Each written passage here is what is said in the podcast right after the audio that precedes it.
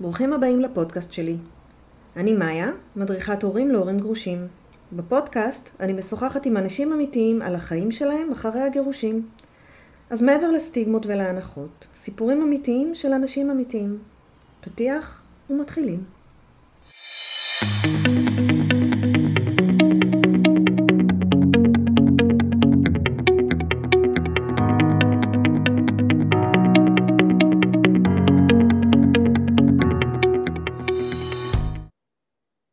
אז היי, היום אנחנו בפרק מיוחד, השאלון 2. אנחנו עם אה, דוד וליאת. היי. אהלן. אז בואו תציגו את עצמכם, ליאת. היי, אני ליאת, אני אוטוטו 42, אה, אימא לשלושה ילדים במשמורת מלאה פלוס פלוס, אה, משפטנית בהסבה לעבודה סוציאלית, מטפלת בטראומה והתמכרויות, גרה ברמת גן, קווים כלליים. כן. דוד. אהלן, אז אני דוד, 52, אבא לנועם שהיא חיילת וענבר שמסיים י"ב, מראש העין, משוטט, מצלם, קורא, לומד. אחלה קאסט יש לנו היום, איזה כיף. אז נתחיל, אה, השאלות, אותן שאלות ישאלו קודם כל את ליאת, אחר כך את דוד, ונראה כאילו בהתחלה הן קצת אינפורמטיביות ואחר כך ננסה לגלות את ההבדלים בין הנשים לגברים. ליאת, מתי התגרשת ומי יזם את הגירושים?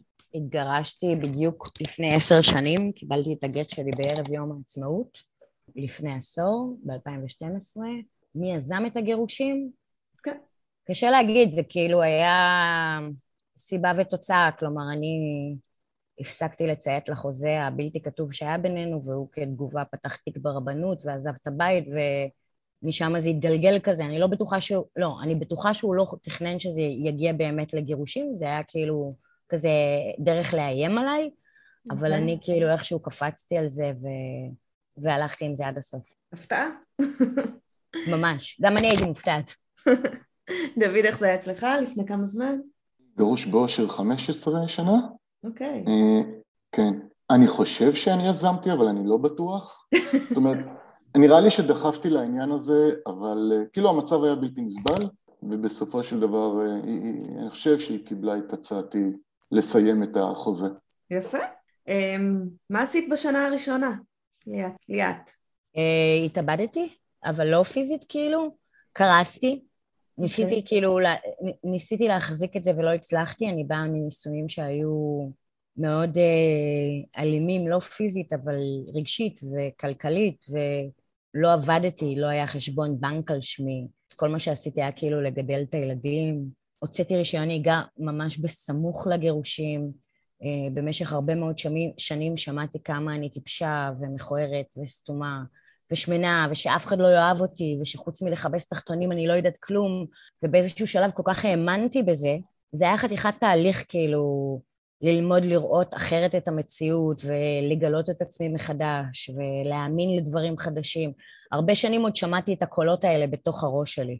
בשנה האחרונה בעיקר מלא הרס עצמי, מלא כאילו ניסיון להחזיק את זה, זה היו גירושים מאוד מכוערים, מאוד uh, אמוציונליים, uh, מאוד דרמטיים כאלה, וזה היה בעיקר ניסיון כזה לשדר שהכל בסדר, איזושהי העמדת פנים שניסיתי להחזיק. אוקיי, okay. דוד? מה עשיתי בשנה הראשונה? כן. Uh, חיפשתי את עצמי, ניסיתי להבין מי נגד מי. אוקיי, okay. אתה שואל אותי? לא, לא, אני, אני משתף, אני אומר כאילו, שוב, זה ככה די הרבה, לפני די הרבה זמן. אתה מחפש סיבות לחיות אשכרה? וואו. כאילו העניין האובדני היה באוויר. אתה כאילו, אתה מדחיק, או הייתי אלוף בהדחקות, ממש. כן, כולנו פה. כן, כן, אתה מנסה להבין את גודל המשבר ולצאת ממנו. ואיך הייתה לך השבת הראשונה בלי? וואו. זוכר אותה? אה, לא, א', אני לא זוכר, אבל זה נורא מוזר, אני, אני כאילו, זה מוזר נורא. כן. אתה, כל החיים שלך משתנים. נכון. ועכשיו אתה צריך לעשות חיים חדשים. ליאת זוכרת. כי זה היה נורא. כאילו, הם היו נורא קטנים, קטנים כאלה שכאילו, את עוד לא ישנה לילות רצוף, ו- כן. ופינטזתי על לילה שלם כאילו ברצף. תקופה ארוכה לא היו בכלל הסדרי ראייה, זה כאילו היה בא מאוד במפתיע, ופתאום כשהם הלכו כאילו ואני נשארתי לבד, הלכתי לאיבוד. כאילו, זה נגמר בלפחות בקבוק ערק אחד, וכאילו עשיתי הכל פשוט בשביל כאילו לשכוח, להדחיק, לא להרגיש, לא ידעתי איך לאכול את זה בכלל ומה עושים עם זה, כאילו, באמת. אם היו אומרים לי אז שאני אחכה לשבתות האלה לבד כמו אוויר לנשימה, כאילו, לא הייתי מאמינה לאף אחד. באמת, לא, לא יכולתי לדמיין את זה, זה היה גיהנום כאילו. ואיך הגיבו לזה במש... במשפחה, לזה שאת מתגרשת? אז זהו, בדיוק הפוך ממה שציפיתי מהם. כאילו, ההורים שלי גרושים, ואימא שלי עברה חוויות לא פשוטות מאבא שלי, זיכרונו לברכה, וציפיתי שתהיה שם תמיכה. לא הייתה שם.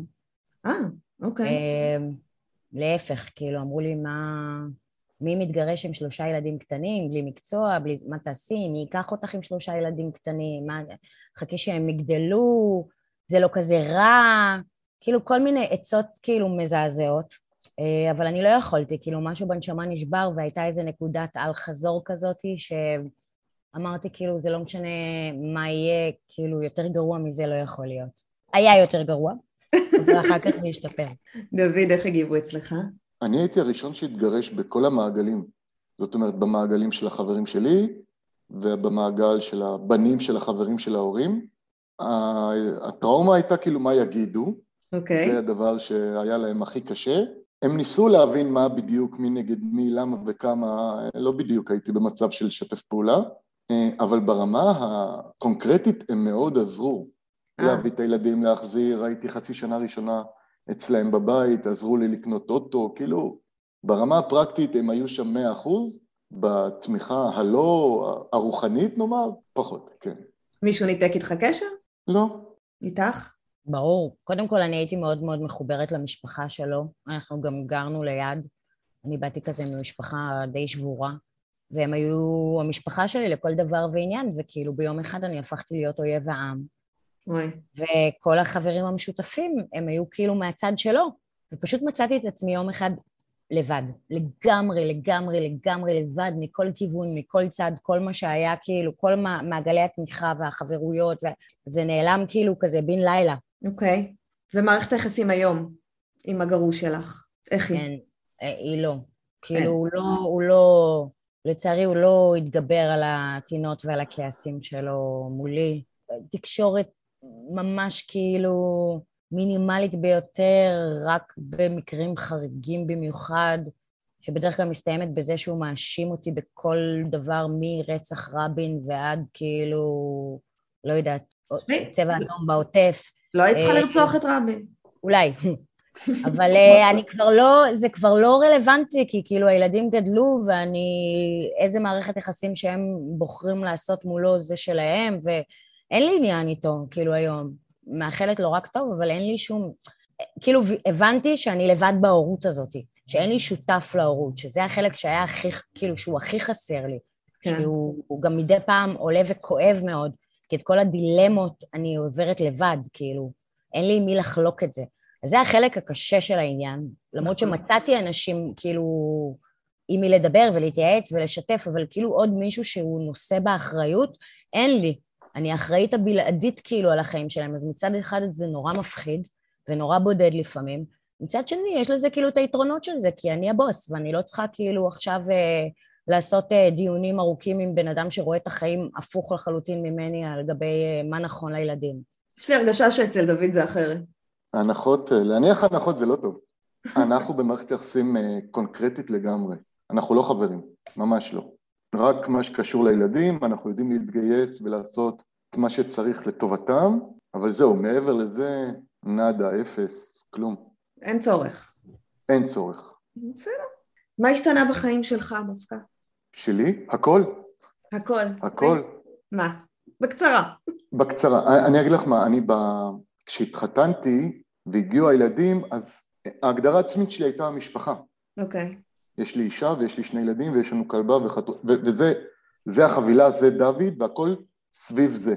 ואז אתה יוצא למין ריק כזה, ועכשיו אתה צריך את הכל מההתחלה. כן. חברים, בילויים, אה, בנות זוג נניח, אה, דברים כאלה, פתאום התפתחו, זה לא פתאום, אבל לקח לי עשר שנים להתחיל אה, לקרום, להתחיל לעשות איזשהו מסלול של התפתחות אישית, להבין מי אני, מה אני, אז okay. הכל, אוקיי. הכל אחרת. והיה משהו ספציפי שגילית על עצמך? שלא ידעת קודם? לא בטוח, לא. אבל אתה יודע, אתה לומד ואז אתה, יש גישות שכאילו ממשיגות את ה... שמות מילים למחשבות שלך? כן, אז זה. אז, אז, אז זה זה. משברים כלכליים עצומים, שאני כאילו בשלבי יציאה ממש. וואי. אני חושב שהדבר הכי מרפיא זה ש, שהבנתי שהכל לגמרי בראש, כאילו אין בעיות אמיתיות. אוקיי, אז זה... ואתה משנה את איך שאתה חושב ופתאום נגמרת הבעיה. כן. מה? זו תובנה מאוד משמעותית. מאוד משמעותית, נכון. משנה את הגישה. לחלוטין. פחות להיגרר, את יודעת, אחרי הדרמה האנושית. מי אנחנו בלי הדרמה? בחייאת. אה, הרבה יותר טובים, באמת. ואצלך ליאת, מה השתנה? וואי, הכל. בגלל שבאתי מבית מפורק, כאילו חלום חיי היה לבנות את המשפחה שלא הייתה לי.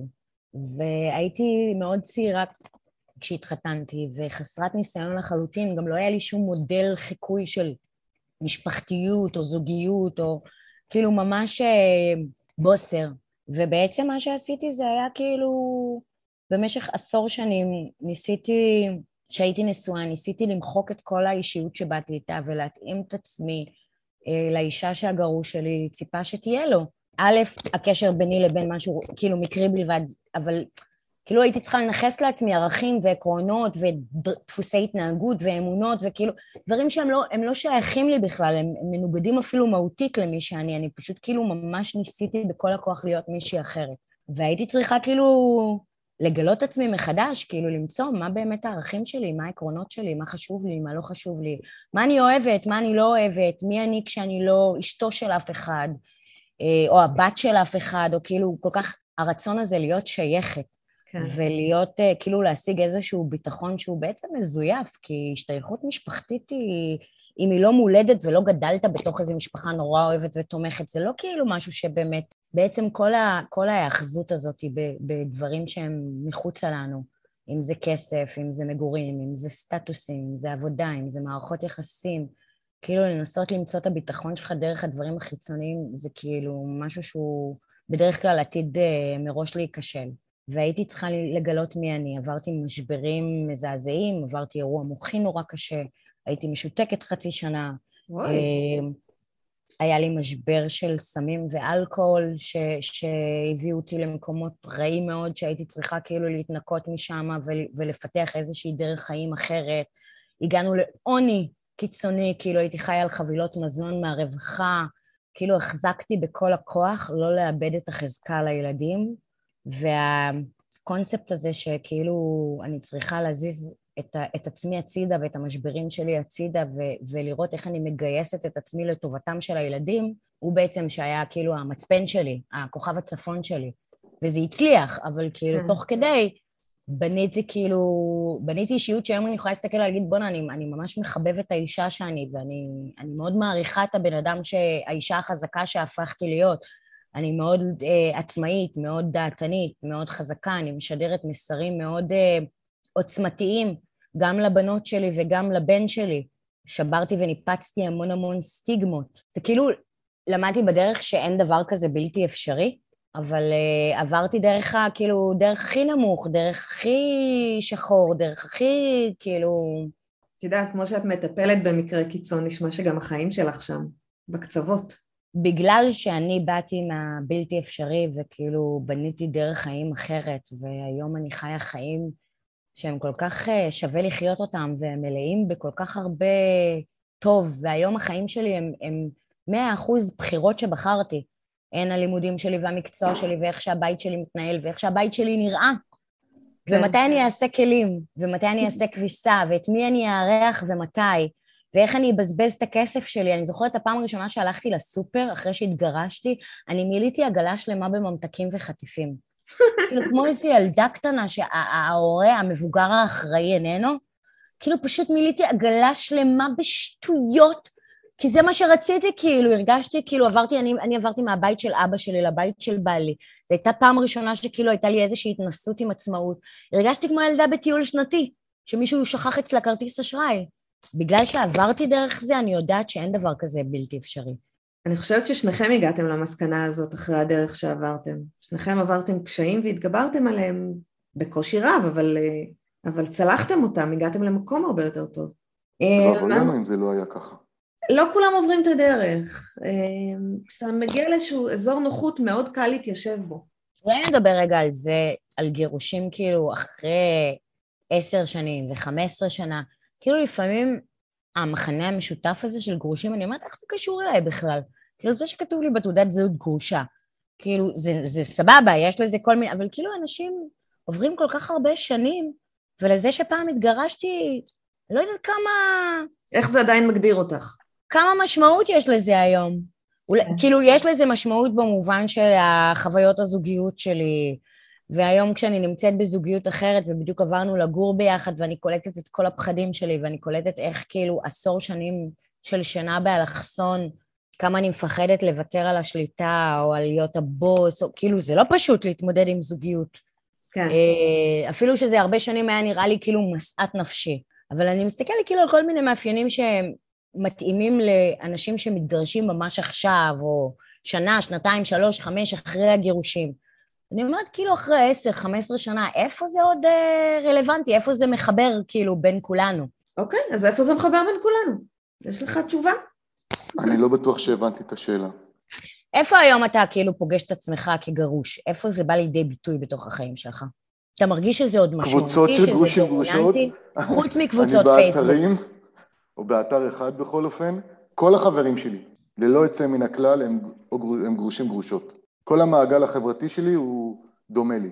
אני אגיד לך עוד משהו. אני מרגישה שברגע שהתגרשתי, ועברתי שנים מאוד קשות, והתרסקו לי החיים, כמו שדמיינתי, כמו שרציתי, כמו שחשבתי. לגמרי. הייתי צריכה לבנות עצמי מחדש. והפעם יכולתי לבנות את החיים שלי כמו שאני רוצה. כי באמת לא הייתי צריכה להתייעץ עם אף אחד לגבי עיצוב הבית או לגבי החוקים שאני רוצה, מתי אני רוצה שהילדים יחזרו. ההחלטות היומיומיות היו שלי, אבל אחר כך את לאט לאט מבינה שאוקיי, זה את, זהו, מה שתבני זה מה שיהיה.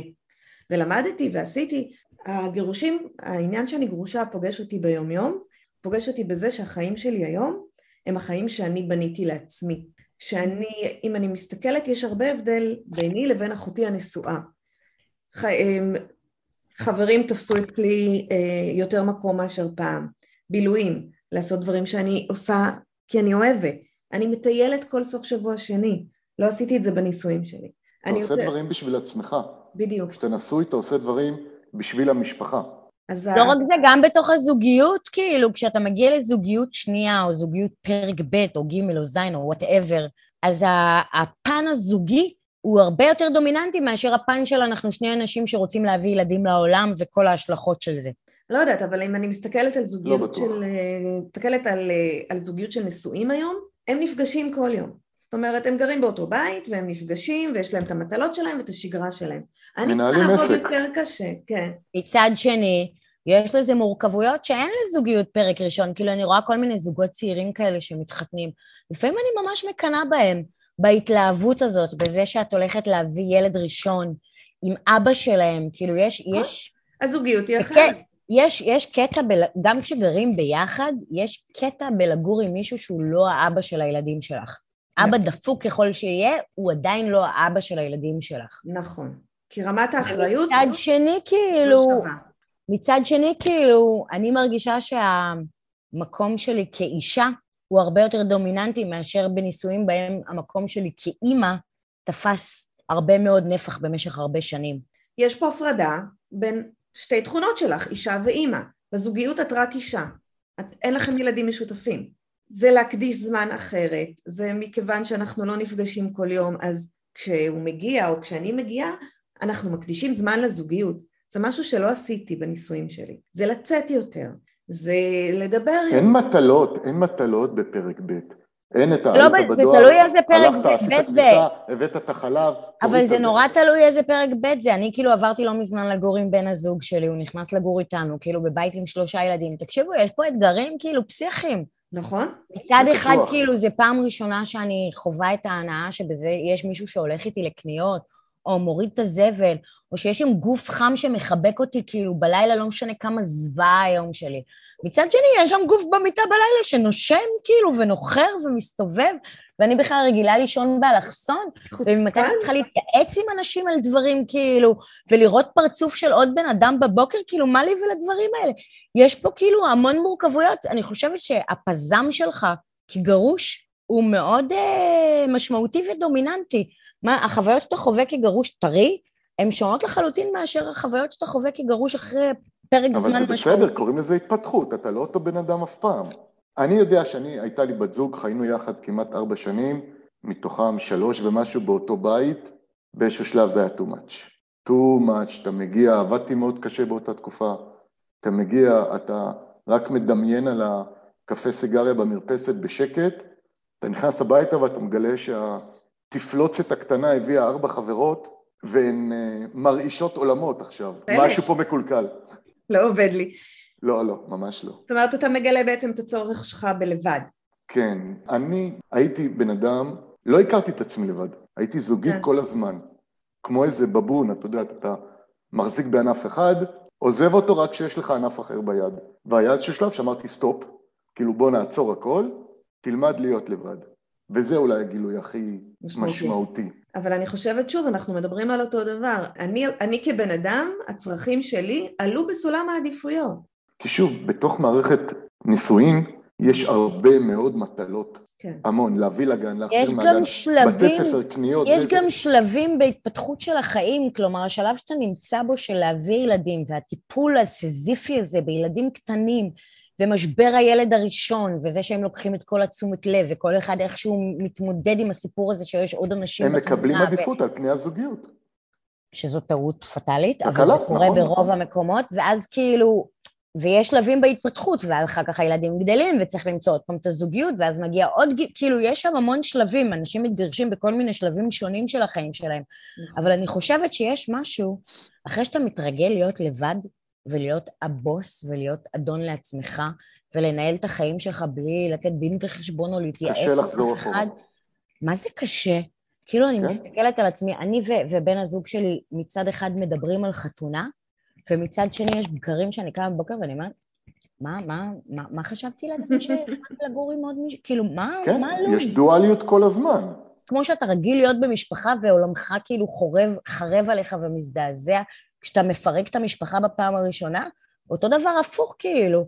ברגע שאתה רגיל כל כך להיות לבד ואתה בונה עוד פעם כאילו סוג של משפחה חדשה, זה עוד פעם מטלטל אותך מכל הכיוונים. אוקיי, זו הסתגלות נוספת. שינוי זה אף פעם לא עניין קל, נתחיל בזה. בדיוק, את צריכה שוב להסתגל למצב שאת כבר לא רגילה בו, כי לא, כי עשר שנים את כבר לא באה. בשורה התחתונה, בסופו של דבר, נראה לי שאם אתה כבן אדם מאושר ממה שאתה עושה, אז כל הסביבה היא מאושרת גם כן. אם אתה מקרין החוצה את הדואליות, זה מה שאתה מקבל, גם מהסביבה שלך. אם אתה שלם עם המהלך, כל הסביבה תשלים עם המהלך ותתיישר לפי, ה... לפי הלך הרוח שלך.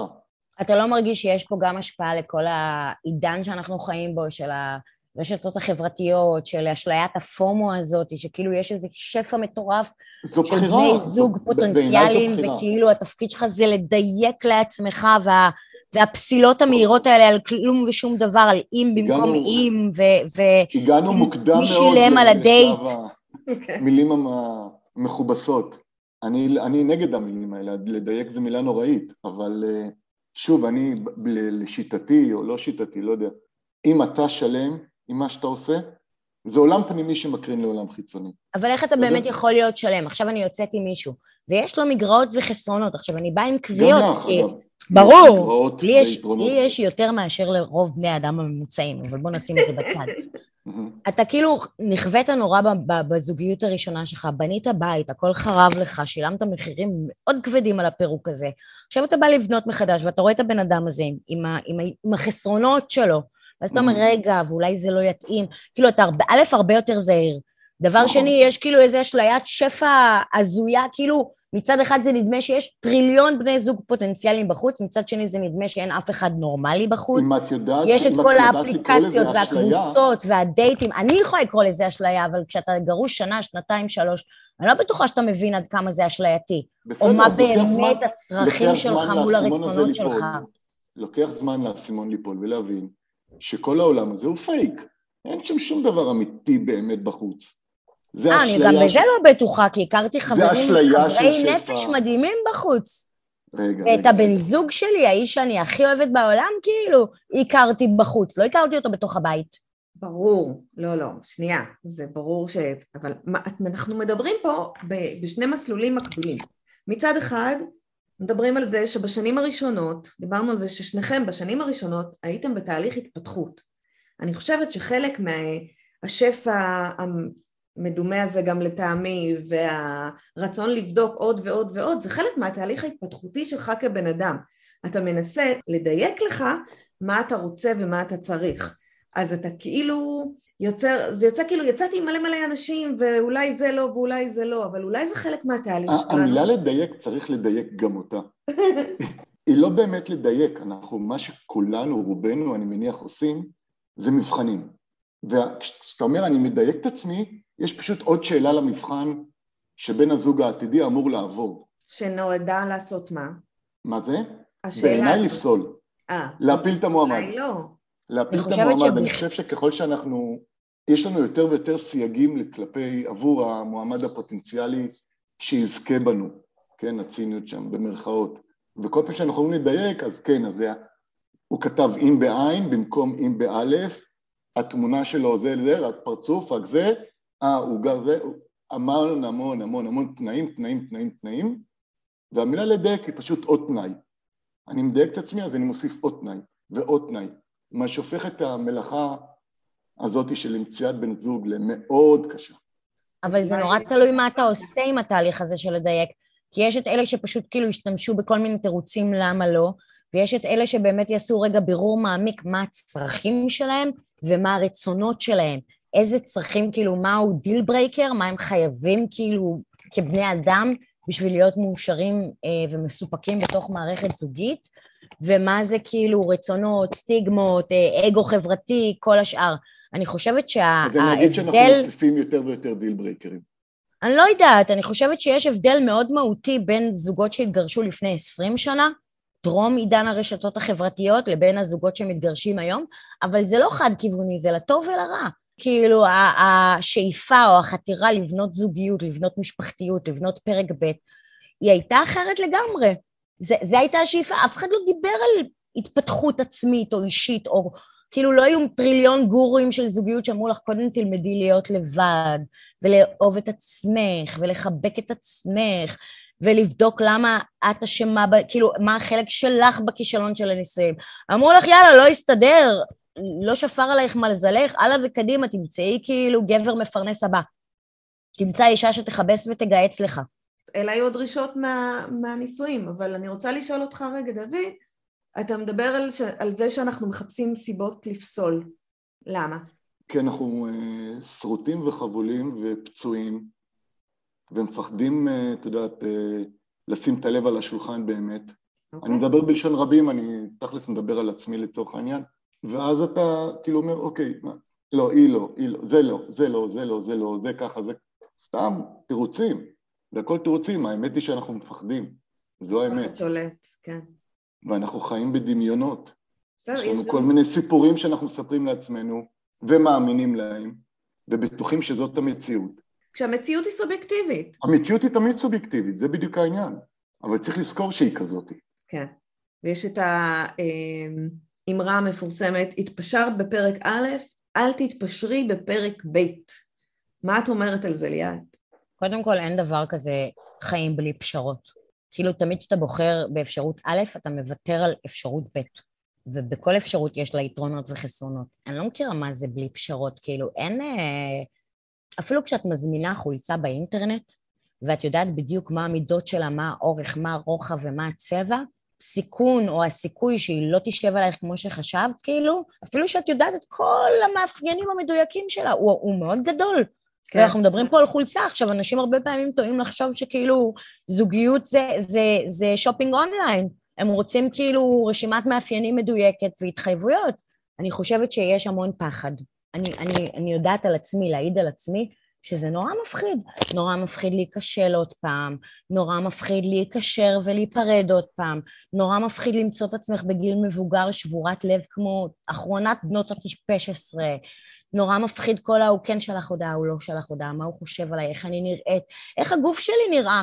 כאילו יוצאת מחדש ל, ל, לדברים שיכולת לעמוד איתם או להתמודד איתם הרבה יותר בקלות עשרים שנה קודם. ויש מלא מלא פחד. את שומעת על כל אלה שעושקים נשים, מנצלים אותם, מרמים אותם, פייק, כאילו, זה מפחיד. ואם הוא יפגע בילדים שלך, ואם הילדים שלך יקשו... יש פה כאילו אין סוף פחדים. אז ברור כן. שזה מפחיד, אבל בשורה התחתונה, בסופו של דבר, קודם כל, אני מאמינה שכשמגיע בן אדם שהוא נכון לך, ושהוא מחובר ללב שלך, זה לא משנה כמה חסרונות יש לו, או כמה לא פשוט הזוגיות הזאת, או כמה היא מאתגרת. כשמגיע מישהו שהוא של הלב שלך, אז אתה מוצא את הדרך להתמודד עם זה קל יותר או, פש... או פחות. ואני חושבת גם שכאילו, שעצם זה שיש לנו היום חופש להגיד לחיות לבד, זאת בחירה לגיטימית, לא פחות מאשר לחיות בזוגיות. עצם עם זה שיש לי או אין לי זוגיות, זה לא מה שמגדיר אותי. כי אני זוכרת שכשאימא שלי התגרשה, אישה שאין לה בן זוג היא כאילו אישה פחות שווה או ראויה. נכון. כי אף אחד לא רוצה אותך. ופתאום כאילו היום הכדור הסתובב ואתה אומר, רגע, כאילו, זה אם אני רוצה מישהו, ההגדרות של הדבר הזה, של מה זאת זוגיות ומה היא מעידה על הבן אדם, הם השתנו לחלוטין, אבל זה מפחיד פחד מוות. עומר, מה להנחתה על יד ב... אנחנו נוטים לחשוב שחפצים ואנשים מגדירים אותנו או מעידים עלינו משהו. כן. אם אני גר בבית גדול זה אומר ככה, אם יש לי אוטו חדש זה אומר ככה, אם הבת זוג שלי היא צעירה נאה עם מבטא זר, שכל האיברים שלה עדיין מתנגדים לגרביטציה, אז זה אומר עליי משהו, ושוב, זה חלק מהאשליות האלה. אני חושב שרובנו כבני אדם מסתובבים עם איזשהו אה, דימוי עצמי או קול פנימי שאומר, אנחנו לא מספיק טובים. מאיפה הוא בא? זה חינוך ביקורתי שרובנו קיבלנו. אוקיי. Okay. תכלס. ו- ואנחנו אה, מחפשים דברים שיאשרו אותנו. אני צריך הכרה כל הזמן. מהחברים, מה... אפילו... מהחברים, מהסביבה, לייקים בפייסבוק. אה, זה בעיקר מה שאני חושב עליי... שחושבים עליי, יותר כן. מאשר מה באמת בפועל חושבים עליי. שוב, זה סובייקטיבי, אני, אני צריך את ההערכה החיצונית, כי אני לא מצליח להעריך את עצמי, אה, כפי שרואים, ואז אני צריך בת זוג שיפה, חטובה, נאה, משכילה, מצחיקה, כי אז אם יש לי בת זוג כזאת, זה אומר שגם אני כזה. כן, זה מעיד עליי. מעיד עליי. או כי... שאני שווה, אפילו שכאילו הנישואים שלי התפרקו והגרוש שלי לא רצה אותי או אני לא רציתי אותו, זה אומר שכאילו אם מישהו אחר רצה אותי ובחר לחיות איתי, אפילו שאני מג'נונה, זה שאני שווה מספיק. זה אומר עליי. זה אומר עליי, כן. אז אנחנו בעצם מתחילים לחיות את החיים שלנו בהתאם לסטנדרטים של אחרים, לא שלנו בכלל. או שאנחנו מספיק אמיצים למצוא את הסטנדרטים שלנו ו- ו- ולעשות נפרדות בין מה שאני חושבת שחושבים עליי לבין מה ש- שטוב לי באמת. אתה חי ציפיות של אחרים. כן. אתה בוחר, כאילו, אם אתה לא בוחר לעשות את זה אחרת. כי אני לא חיה היום ציפיות של אף אחד. אני בת 42 ולומדת במכללה כאילו עם ילדות בנות 26. בסדר, תואר שאין בו כסף. כאילו, הבחירות שלי הן כל כך שנויות במחלוקת, בכל תחום אפשרי, כאילו, אני, אני באופן שניות אישי... שנויות במחלוקת בעיני מי? אה, כלל הציבור באשר הוא. אני באופן אישי הייתי עליי? צריכה לבחור בין מה הנורמה, הסטיגמה, הכלל, הרוב, לבין מה שעושה לי טוב. אני בחרתי בי כאילו, אבל... אני לא כל כך מבין. למה אנשים צריכים להתנצל על הבחירות שלהם. אה, אני הפסקתי להתנצל, אני רק אומרת שהבחירות... אז להסביר לא, אותם. הן לא הבחירות המקובלות, אני לא מסבירה כלום. הן הבחירות שלך, אין פה מקובל או לא מקובל. לוותר, להסכים לוותר על האשליה הזאת? להיות חופשי. להסכים לוותר על האישורים האלה החיצוניים. זה חופש, נעים מאוד. לתת לעצמי את האישור הזה, ולהגיד כאילו אני מספיק שווה, לא משנה מה חושבים עליי. נו יפה, עבודה זה טוב. בוא נעשה שאלון קצר על דייטים כזה. למי יותר קל בעולם הדייטים, גברים או נשים? לאף אחד. לאף אחד לא יותר קל. זה מזעזע, זה נורא. איפה מחפשים זוגיות? לא, רגע, רגע, אני אגיד לך, למי שאין סטנדרטים קל. למי שאין סטנדרטים קל? אין סטנדרטים וכאילו... אוקיי. לא אכפת לו, המילה, לא מכיר את המילה לדייק, אז לא קל, אין לו שום בעיה. יותר פשוט. כן. מי משלם בדייט ראשון? אני. הוא. אבל זה דייט של קפה. אוקיי. כמה חשוב... אני, אגב, לא. אני תמיד מציעה לשלם חצי או הכל, אם הוא מסכים, זו הפעם האחרונה שהוא יראה אותי, לא בגלל הכסף, כאילו. כי אין לי עניינים, כאילו, אין לי בעיות כלכליות. בגלל כאילו הרספקט, אני בחיים לא אזמין יותר מקפה, לעולם, כאילו, אבל יש בזה משהו, כן, נו, אני אולד פשן, עם כל הפמיניזם שלי. אם מישהו מזמין לדירה בדייט ראשון, מה זה אומר? באיזה שיש סרט? קורונה בחוץ? אה, יש ספסלים בפארק, בקורונה בחוץ. אוקיי. okay. יצאתם לדייט וזה לא מתאים, מה עושים? מודיעים. אומרים לו שנהניתי, כאילו, ששמחתי לפגוש עוד בן אדם. קודם כל, עצם היציאה לדייט, כאילו, ברגע שאת יוצאת מנקודת הנחה שאת הולכת להכיר עוד בן אדם שאף פעם לא פגשת ולשמוע סיפורים שאף פעם לא שמעת, ולא כאילו יוצאת, רגע, אני אבחן אותו עכשיו, האם הוא מתאים אה, למלא את אה, תפקיד הניצב בסרט של הזוגיות של חיי, אז זה כאילו הופך להיות הרבה פחות מסויט. כן. אה, אומרים לו, כאילו, אתה, אתה אחלה, אתה מקסים, לא נראה לי שזה ילך לשום מקום, אבל כאילו, תודה על הזמן שבילינו ביחד. אוקיי. או כן. שעושים לו ghosting, אבל זה נורא תלוי מי. פחות. האם הייתם יודעים... אגב, אני לא נגד ghosting, שיהיה ברור. אם זה בשלב ההודעות, אוקיי. בלבד, ghosting נהיה אה, לגיטימי לגמרי. אני כבר לא, לא מזועזע מזה. אני חושבת ש ghosting... יותר מכבד להגיד אה, לא מתאים לי? בוודאי, בוודאי. אני חושבת שגוסטינג זה אחד האקטים הכי פחדניים ועלובים שקיימים. אם אני לא מסוגלת להקדיש ארבע מילים שיכבדו את הבן אדם ששוחחתי איתו, וזה לא משנה אם זה השליח בסופר, השליח של, של, של טרמינל איקס שתיאם איתי משלוח, או גבר שתכננתי לי, או לצאת איתו, או עוד יותר יצאתי איתו לקפה, אם אני לא מכבדת את עצמי מספיק בשביל כאילו לעשות איזשהו closure שמכבד אותי, זה עלוב, זה פחדני. יאללה, מי שישמע כמה עסוקים אנחנו, שאנחנו לא יכולים להקדיש ארבע מילים. אני מסכים איתך שאף אחד לא עסוק, אני, אני פחות דרמטי בעניין הזה. קיבלתי לא מעט גוסטינג בעצמי, התכתבתי עם אנשים, ב, עם נשים, בוואטסאפ, ופתאום הם נעלמו ולא ענו. תקשיב, בעיניי זה מעליב לא ברמות לא אחרות. אני חוויתי את הדברים האלה בצורה נורא קשה. אם נפגש, נפגשת עם הגברת וזה לא מתאים, כן, צריך לדבר, להודיע. אבל אם לא נפגשתם, לא דיברתם, שטויות. התכתבתי איתך עכשיו, ניהלנו איזושהי שיחה, ושוב אני אומרת, זה בכלל לא משנה אם זה בפן רומנטי, ואת נעלמת ומבחינתי זה לא... או שניסיתי לתאם איתך, אתה, אתה אבא בוועד הורים של הכיתה, אוקיי? אם אני כאילו באמצע שיחה אעלם out of the blue, זה לא מכבד אותי, זה כאילו לא, לא דרך תקשורת שאני מאמינה בה. זה לא אותה סיטואציה, זה לא. תקשיב, בוא נסכים שלא להסכים, כי מבחינתי אם בנט יכול לענות להודעות, אז כאילו גם אני יכולה לטרוח לכתוב ארבע מילים לבן אדם ולהגיד לו, לא הולך לשום מקום, תודה ושלום. הייתם יוצאים ממישהו שהשם שלו הוא כמו השם של הגרוש או הגרושה? בוודאי. יש לי כן. מיליון שמות חיבה, גם ככה אתה ממציא לו שם שלא קשור בכלל למשהו בא איתו. הדייט הכי הזוי שהיה לכם. פגשתי גברת שהמציאות הייתה שונה מאוד, בלשון המעטה, אה, מה, מה, מהתמונות, ואני לא כל כך טוב בלהסתיר רגשות או מה עובר לי בפנים, ומיד קלטה את זה, ואמרה, תשמע, אני רואה שאתה לא מרוצה, אתה רוצה, אין בעיה, אנחנו חותכים, אני הולכת הביתה והכל בסדר. ואני, כאילו, מה פתאום, מה פתאום, את לא זה, הכל בסדר, אבל הסתובבנו בסמטאות חשוכות. באמת, הלכנו ל... לשם, לא דרום תל אביב, לשכונה הזאת, שם באזור של הרכבת, באמת, בסמטאות בלי תאורה. ליאת? מבאס, אבל זה... אני לא יצאתי להמון דייטים. אני בן אדם מאוד מונוגמי במהות שלי, וגם שונא את הקונספט הזה, זה, זה נורא בעיניי, הרעיון עבודה הזה, כאילו, תקופות ארוכות כאילו של, של לבד, שכאילו את אומרת, טוב, אין לך ברירה, כאילו, תעשי משהו עם עצמך, הביאו אותי למקום הזה. אה, ואגב, מהניסיון האישי שלי, מעולם לא פגשתי בן אדם שהיה נראה בדיוק כמו שהוא נראה בתמונות. לא כאילו בקטע של מצג שווא, אני אישה שמנה ואני אשים תמונות שלי מלפני עשור עזה. אלא שזה כאילו פשוט זוויות מחמיאות, וזה לגיטימי, אבל זה לא נראה כמו שזה נראה מולך. חוץ מזה שאני חושבת שכאילו ריח וטעם ואנרגיות, וכאילו יש כל כך הרבה מרכיבים למשיכה ולנראות חוץ מאשר אה, תמונה, אבל זה אני.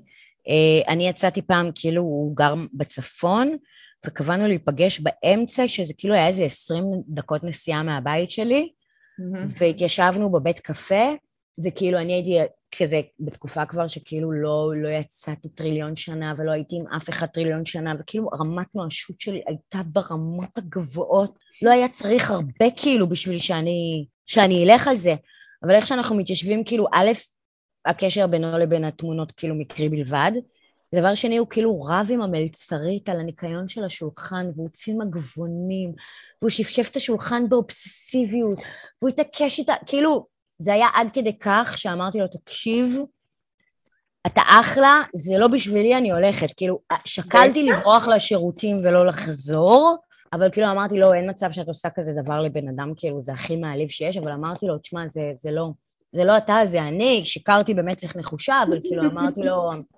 חייבת לחזור הביתה, ו... והלכת. אני חושב שכולנו באיזשהו שלב חווים את אובדן, אובדן הסטנדרטים, ומוכנים כאילו לצאת עם מישהו שאנחנו כאילו יודעים בפנים שזה לא ילך. אבל מה זה אובדן הסטנדרטים? זה משהו, נורא, זה נורא תלוי מה, יש אנשים שכאילו הייתי יכולה לצאת איתם, או לשכב איתם, או זה, אבל לא הייתי חיה איתם, או עוברת לגור איתם, או כאילו יש בן אדם שסבבה לי לשבת איתו לקפה, אני לא בהכרח אלך איתו לאירוע משפחתי. כאילו, זה לא קשור לסטנדרטים. לא, לאן הלכת? מדבר על דייט ראשון. אתה, יש לך תחושת בטן, אתה יודע, זה ילך או לא ילך. אתה, לרוב באמת אנשים לא טועים, אבל לפעמים אתה תקופה ארוכה, לא יצאת לדייטים, לא זורם שום דבר בכיוון, האנרגיה לא הולכת למקום הזה, ואז אתה כאילו מוריד את הסטנדרט שלך, אתה מתפשר. יאללה. כן. אני רוצה. להגיד לך שאצלי זה היה להפך. אולי יהיה פה שיעור... היו לי דייטים שיצאתי עם בחורים שכאילו הייתי חצי מאוהבת בהם עוד לפני הדייט, והיה נראה לי שזה כאילו פרפקט מאץ' והנה אלוהים שלח לי את המיועד, וזה היה הגיהנום. ו- ומצד שני כאילו, יצאתי פעם לדייט מטינדר אחרי שהתכתבנו כמה משפטים וזה כאילו הפך להיות כזה קשר מגניב שנמשך איזה זמן. אבל אני בן אדם של אנשים, אז כל פעם שכאילו יצאתי לדייט, אני מראש לא באתי לרעיון עבודה, אני אמרתי, אוקיי, אני הולכת לפגוש בן אדם כאילו, כמו שאת פוגשת מטופל, שבחיים לא כן. פגשת, לשמוע סיפור שלא שמעת. דייטים הם לא בהכרח כאילו... רעיון עבודה. אני נורא משתדל שזה לא יהיה. איך אתה עושה שזה לא יהיה? מה אתה עושה כדי שזה לא יהיה רעיון עבודה? אתה מדבר על, על הכל חוץ, מ, אה, חוץ מעל השאלון. בת כמה, מאיפה, מה עושה, כמה זמן גרושה, מה הילדים. אז על מה אתה כן מדבר? חסר? לא, אני שואלת אותך באמת, אני מסוכנת.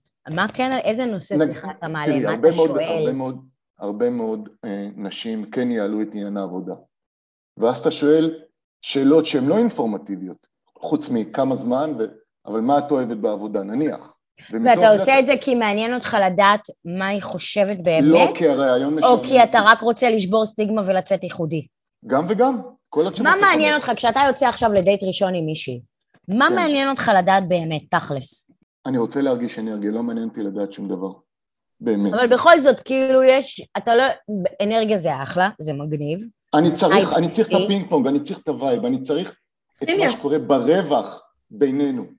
אבל איזה דברים, כאילו, איזה דברים בבן אדם שמולך יהפוך אותו לכן או לא? ליאת, את שאלה, בואי תני לי אפשרות לענות עליה, טוב? אתה צודק, סליחה. זה יעבוד יותר טוב. אני אומר עוד פעם, המידע יגיע כך או כך, אוקיי? אם אנחנו ניפגש פעמיים, שלוש, ארבע, חמש, אני אקבל את כל המידע האינפורמטיבי.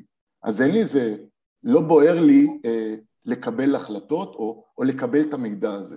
אבל כן מעניין אותי איזה בן אדם היא, מה מעניין אותה, מה מצחיק אותה, מה, איזה מוזיקה היא שומעת.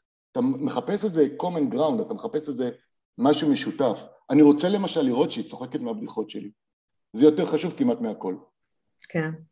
אבל איזה מידע, כאילו, מה שאני ניסיתי להבין זה איזה אלמנטים הם יהיו כאילו להיות או לחדול. כי אתה אומר, אני אצא איתה כמה פעמים, אני אגלה את האינפורמציה. וואי, אני אצא הכי מתנשא בעולם, חשיבה מופשטת. אני חייב שהיא תהיה דוברת צינית שוטפת, ועם יכולת גבוהה לחשיבה מופשטת, כי ענייני רוח וכאלה הם מאוד, הם חלק מהעולם שלי, ואני חשוב לי שזה יהיה גם חלק מהעולם שלה. אבל שזה לא יהיה כל העולם, כי יש לי בעיה עם מיסיונרים. לגמרי מבינה אותך. אוקיי, חברים, שאלה אחרונה למישהו שעכשיו מתגרש, איזה עצה הייתם נותנים לו? אל תעשה כלום שנתיים, שב, תחלים. מהמם. תקשיבי, גירושים זה הליך אמוציונלי, זה לא קשור לרכוש, זה לא קשור להסדרי ראייה, זה נטו אגו ואמוציות. וכאילו, אם אתה מצליח לשים הסתכלות לטווח ארוך ולשים את טובת הילדים מעל הכל, ניצחת. מקסים, תודה רבה לכם. תודה לך, היה מוי כיף. לא, היה ממש כיף, זה נגמר ממש מהר. כן, ככה אנחנו. להתראות בינתיים. עד כאן הפרק להיום. תודה שהאזנתם.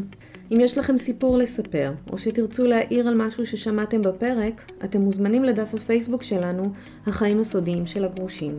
אם אתם מרגישים שאתם צריכים עזרה בהורות החדשה שלכם, בביסוס הסמכות ההורית, ביצירת קשר עם הגרוש או הגרושה, גבולות, הקשר החדש עם הילדים, או כל נושא אחר הקשור להורות של גרושים, אני מזמינה אתכם ליצור איתי קשר דרך האתר שלי www.maya.com באתר תמצאו מידע נוסף על הנושא וכן דף הסכמות שיעזרו לכם לבסס את הקשר בין ההורים הגרושים. תודה ולהתראות.